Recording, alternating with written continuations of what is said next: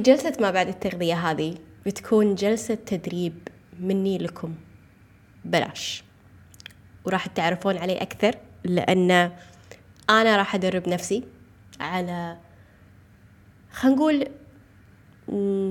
فكرة توني أكتشفها أو توني أكون واعية عليها. فناقشتها مع نفسي كتبت ودونت الفكرة هذه ووصلت إلى حل. للفكرة هذه. والفكرة هذه متعلقة في نزول الوزن وعشان كذي عنوان الحلقة أنا ما أقدر أنزل وزني. okay؟ ف خلال هذه السنة اشتغلت مع أكثر من coach أو مو أكثر من coach ثنتين في الأحرى لنزول الوزن. أحب لما أستشير شخص محترف ويصمم لي خطة ويتابع معاي. آه، ومنها أنا يكون تكون عندي إجابات على أسئلتي ومنها أنا يكون عندي أحد يتابعني ويحملني المسؤولية في الشغل اللي أنا قاعدة أتبعه. تمام؟ تمام. حلو الكلام. ففي بداية السنة آه، كان شيء جديد علي لأن ما كان شيء جديد بس إنه آه، للأمانة كنت قاطعة النادي لمدة تقريبا سنة. أو أقل من سنة يمكن ست إلى ثمان شهور. فكأني قاعدة أرد مرة ثانية ولكن يعني جسمي وعقلي خلينا نقول يفهم هذه الحركات. ففاهمة أنا رجعت النادي شو راح تصير عارفة إني آه راح أكون شوية آه ضعيفة في حمل الأوزان حركتي ممكن ما تكون مضبوطة من البداية ولكن يعني بالنسبة لي النادي أوتو بايلوت يعني ما أفكر بالأشياء اللي أسويها للأمانة. فالحمد لله إن أنا يعني عندي هذا العلم وعندي هذه الخبرة اللي تسرع النتائج بالنسبة لي. ف خلال الست شهور مع المدربة الأولى آه، كانت آه، خلينا نقول عملية عملية انتقالية آه، لحد ما أنا بنيت أساس قوي خلينا نقول لعضلاتي أو لجسمي. ومنها كانت يعني كان روتين النادي وطريقة أكلي اللي آكل فيها يعني. فرديت أحسب سعراتي. ويعني أنا صارت علاقتي مع الأكل جدا أفضل من قبل. فأحس بالأمان لما أرد أحسب سعراتي. ما أحس إن هذا الشيء يضايقني أو ما أحس إن عندي ذاك الهوس اللي ممكن يتعبني أو شيء. فأنا قدرت هذا الشيء وقلت أوكي تمام. أنا راح أرجع أحسب سعراتي. تمام تمام. خلال الفترة مع ال coach الأولى آه كل اللي كنت أسويه هو إني آه أقيس وزني في الميزان. okay؟ أوقف على الميزان وأقيس وزني وأشوف شنو التغيير اللي صار. okay؟ ولكن هذه ما كانت طريقة مناسبة لتتبع التطور اللي ممكن أنا أشوفه. okay؟ ممكن شكليا إي أنا شفت تغيير آه جسمي شد آه السيلولايت شوية خف حسيت بقوة لما رجعت آه، النادي بعد فترة. أدائي تحسن. هذه الأشياء كثير كانت حلوة. ولكن كلنا نبي إن نشوف تغيير في الميزان لتحت. نبي نشوف التغيير في الميزان للجانب اللي إحنا نحبه. okay؟ فما كان قاعد يصير هذا الشيء وياها. خلص العقد اللي بيني وبينها فقررت إن أنا أشتغل مع كوتش ثانية وللأمانة من زمان كانوا يمدحون لي إياها. ولكن مع الكوتش هذه الأمور صارت شوية مختلفة. قررت أن أنا أقيس نسبة الدهون والعضل في جسمي عن طريق جهاز الإنبادي لو تعرفونه آه، موجود في أغلب النوادي والصيدليات. وبالنسبة لي ولو هو غير دقيق مية بالمية لكن وسيلة جيدة لتتبع أدائي بالنسبة لي أنا. okay؟ فسويت الفحص. وما كانت النتيجة حلوة. okay؟ يعني ما عجبتني. حسيت إن أنا أفضل من كذي وتحبطت يوم مو كثير بس تحبطت يوم لأن أدري أنا شو لازم أسوي. و مع الكوتش الثانية ولو إن كانت آه، يعني خطتها لنزول الوزن ما شفت تغيير. الحين صار لي تقريبا ست أسابيع معاها ما شفت تغيير أبدا. يعني يمكن شوية في القياسات.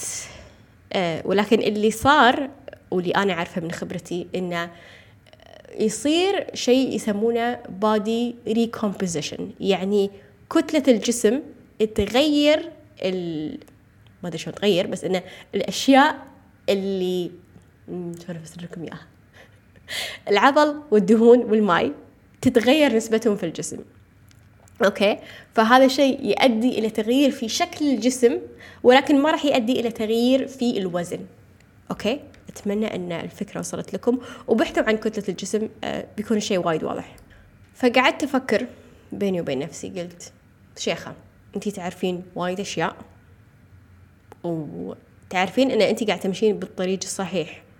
على الأرقام على خلينا نقول معدل حركتي وعلى الأكل اللي أنا قاعدة أدخله في جسمي مفروض إن الأمور okay. مفروض إني أشوف التغيير اللي أطمح له ولكن ال الأشياء ما قاعدة تزحزح. okay؟ ف نوعا ما هذا الشيء ضايقني. فبلشت أكتب وبلشت أفكر بال شنو هي الأفكار والمعتقدات اللي ممكن موجودة عندي ومخليتني في هذه الدوامة؟ إن أشوف ممكن نجاح لفترة بسيطة ولكن أرد مرة ثانية أنتكس. فالشيء اللي أنا لاحظته وبكون جدا صريحة معاكم هو إن حسبتي ما كانت دقيقة 100% حسبتي أنا كحركة أو أكل ما كانت دقيقة مية بالمية. كانت تيي علي أيام أحس إني أبي أخرب. okay؟ هذا كلام يعني ما أقوله حق أي أحد للأمانة بس أحس إني ما أبي أمشي. أكون أحيانا على الموبايل وممكن أكون يعني يعني تقريبا ساعة كاملة يعني قاعدة ما أتحرك. okay؟ في الدوام أنا أتحرك. طبيعة شغلي تتطلب مني حركة. ففي الدوام أنا أسكر يعني ممكن أسكر إن أنا خطواتي في الدوام لحد الساعة اثنتين ولكن ما بعد الدوام إذا كان عندي نادي okay إذا ما كان عندي نادي لا ما راح يكون وضع okay. ف هذه الحسبة اللي نوعا ما حسيت إنه كانت تخرب علي.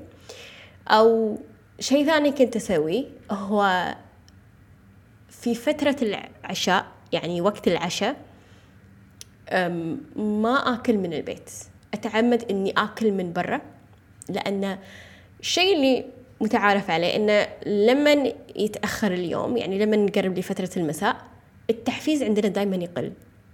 okay؟ إذا أنا الصبح مثلا آه، أول ما صحيت عندي تحفيز ويلا هذا ريوقي يلا خل أمشي يلا خل أروح النادي حد ما تصير الساعة خمس وست خلاص. التحفيز راح ينزل وهالشيء جدا معروف. ال motivation دائما ينزل في فترة المساء فلا تعتمدون عليه في الوقت هذا. فكنت آكل من برا.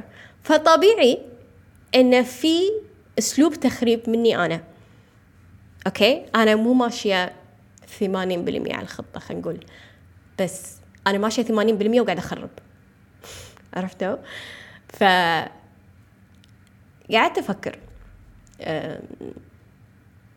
شنو هو الشيء اللي ممكن يخليني أنا أخرب كشيخة؟ يعني يعني أنا أدري إن أنا أقدر أسوي أحسن من كذي أقدر إن أنا أقوم الحين وأمشي أقدر إن أنا أشرب ماي أقدر إن أنا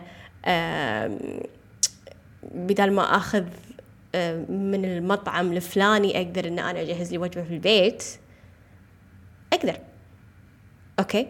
بس شنو الشيء اللي و خلينا نقول شنو هو السؤال اللي خلاني يعني أطرح على نفسي هذه الفكرة؟ ال coach اللي كنت أشتغل معاها مو تبع الرياضة coach من ناحية ال business خلينا نقول أو كانت أغلبها من الناحية من ناحية الصحة النفسية. فعندها بودكاست وكانت تتكلم عن خلينا نقول الصحة ونزول الوزن والأمور هذه. فتكلمت عن client عندها عن عميلة تراجعها. وعندها أيضا مشكلة في نزول الوزن. تقول لها أنا قاعد أسوي كل شيء لكن ما قاعدة أشوف نتيجة. فقالت لها أوكي تمام. خليني أسألك سؤال. شنو متخافين ممكن يصير لو نزلتي من وزنك؟ وقالت لها أنا ما أخاف من هذا الشيء أنا حدي أبي أنزل من وزني يعني هذا حلم حياتي. كانت تقول لها لا. خليك شوية يعني أهدى. يعني ممكن آه خلينا نقول تشوفين من الداخل فعليا شنو ممكن تخافين إنه يصير لو نزلتي من وزنك. فهذا السؤال وايد شدني أنا وقلت أوكي شنو ممكن أنا شيء أكون خايفة منه؟ فبحرت في في كل حياتي في كل مراحل حياتي. فشفت إن أنا خلينا نقول في سن المراهقة لما جسمي بلش يتغير نوعا ما وكنت كان أسلوب حياتي يعني كله على الكمبيوتر. كنت مدمنة كمبيوتر وكان وقتها يعني الكمبيوتر ما كان جدا وارد. يعني في سنة 2005 2004 لا كان جدا صعب إن بيت يكون فيه كمبيوتر أو لابتوب. أوف. ف كان في تعليقات على شكل جسمي من ناس قريبة مني. أه وهالناس هذه أنا يعني أحس معاها بالأمان أحس معاها بالثقة أحبها وايد. ولكن هذا كان يعني تعليق دائما يعني يبدر من الشخص هذا. كان دائما في هذا التعليق. فأنا وقتها ما كنت أدري شنو أسوي. شنو ممكن أسوي؟ كنت أقول أنا مو سمينة لدرجة أن أنا راح أروح حق أخصائي تغذية. وقتها كان أخصائي التغذية معروف حق الناس اللي يعانون من السمنة. وأنا ما أعاني من السمنة. أنا شوية عندي زوائد في جسمي وفي مناطق معينة. أوكي؟ ف لأني أحب الشخص هذا. و...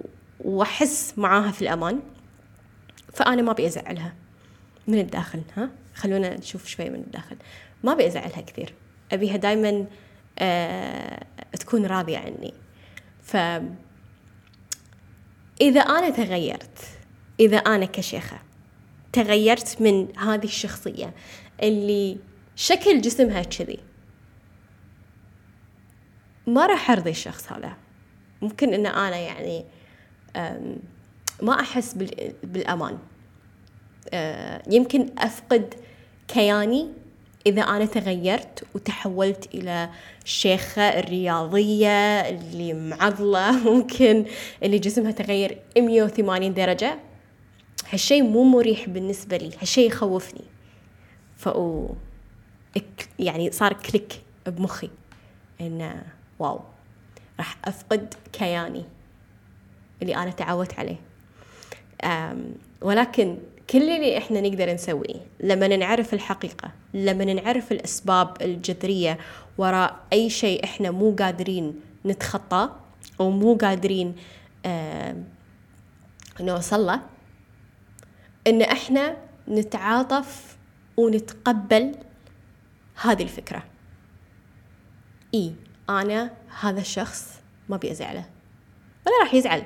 يعني لو نفكر فيها بالمنطق شوية منو قال راح يزعل؟ منو قال إنه ما راح يشجعني؟ منو قال إنه ما راح يكون فخور فيني؟ منو قال ان أنا كشيخة راح أتغير وراح أكون شخصية ثانية؟ أنا مثل ما أنا يعني لحد اليوم هذه أنا. ف التعاطف مع الفكرة يريح يخليها يخلي وجودها عادي. يخلي وجودها أوكي. لأن ما في مشكلة لو أنا عندي هذه الفكرة. وما في مشكلة لو أنا تغيرت. وما في مشكلة لو أنا صرت أفضل. فإذا هذا هو الشيء اللي واقف بطريقي هذا هو الشيء اللي أنا محتاجة أشتغل عليه. فهمتوا شلون لما أنا أجري جلسات التدريبية الناس آه تحل مشاكل جذرية من زمان موجودة عندها.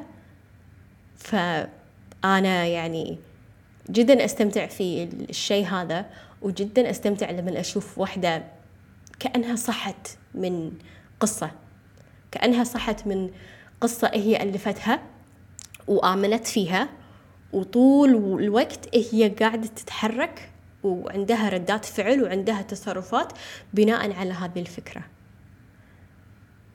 فالشغل اللي أنا أسويه مو بس حق نزول الوزن أو حق صحة أفضل أكيد هذا الشيء إحنا نبيه ونطمح له. وكثير موجودين ناس يساعدونكم في الشيء هذا لكن شغفي أنا أني أساعدكم من الداخل بالأول لأن هذا الشيء اللي أنا محتاجته أيضا. فأحس أنا أحس بالانتماء أحس بالسعادة لما أسوي هذا الشيء. فقررت أن أنا أساعدكم. وأساعد كم وحدة؟ خلال الأشهر الجاية إنهم يكسبون ثقة إنهم يكونون مثل ما هم. آه، الثقة ما تنكسب بعد الاحترافية. أنا يعني صار لي فوق العشر سنوات في المجال هذا تحسون أن أنا واثقة من كل خطوة أنا أسويها؟ أكيد لا. ولا تحتاجين الثقة عشان تتخذين خطوات جريئة. الثقة هي قصة تحول من حال إلى حال رغم كل المصاعب الجسدية أو النفسية. كل اللي أقدر أقوله هو أن قصتك لا زالت تنكتب واختياراتك الحالية تحدد الفصل القادم. هل بطل القصة بيستسلم أو بيكمل المشوار؟ وبيقول للكل هذا نجاحي وهذه قصتي للعبرة. قصة ثقة بكتبها معاك عشان تكسرين الحواجز. بكون أنا القلم وأنت الراوي. إيش رأيك؟ فخلال ثلاث شهور بجلسات تدريبية معاي أونلاين طبعا بنكسر كل المعتقدات والأفكار وبتفهمين قصتك والأسباب الجذرية. وبنصمم لك خطة وبنشد على التزامك. وبتشوفين نفسك كشخص مختلف. والسبب هو إنك خذيتي الفرصة اللي قدامك الحين. فبيكون لي الشرف إن أنا أساعدكم تكتبون قصة الثقة اللي هي أنتم. فإذا انت مهتمة إذا انت تبين تتغيرين إذا انت تبين تكونين شخص آخر وتكسرين كل الأفكار والحواجز والمصاعب اللي موجودة عندك. وفعلا تشوفين التغيير. فأنا راح أكون معاك خطوة بخطوة عن طريق قصة ثقة فقصة ثقة هذه فكرة جت لي وعن طريقها أنا أبي أساعد ثلاث بنات كل واحدة فيهم على حدة. آه إن إحنا نبني عادات صحية إن إحنا ننزل من وزنها أو تزيد من وزنها لو هي حابة. آه، إن إحنا نعدل من أسلوب حياتها. إن إحنا نعطيها ثقة أكثر. وبخلي كل تفاصيل التسجيل في ال show notes تحت. فكري في الموضوع. ما بقى شيء على نهاية السنة وما تبين تتحسفين. فعلا تبين تاخذين هذه الفرصة لأن هذه الفرصة اللي موجودة قدامك الحين. فالقرار لك وإن شاء الله نشتغل مع بعض ونشوف الشخص اللي أنت ممكن توصلين له من بعد قصة ثقة مشكورة لاستماعكم لحلقة اليوم. إن شاء الله أشوفكم في الأسبوع الجاي في حلقة جديدة. ومع السلامة.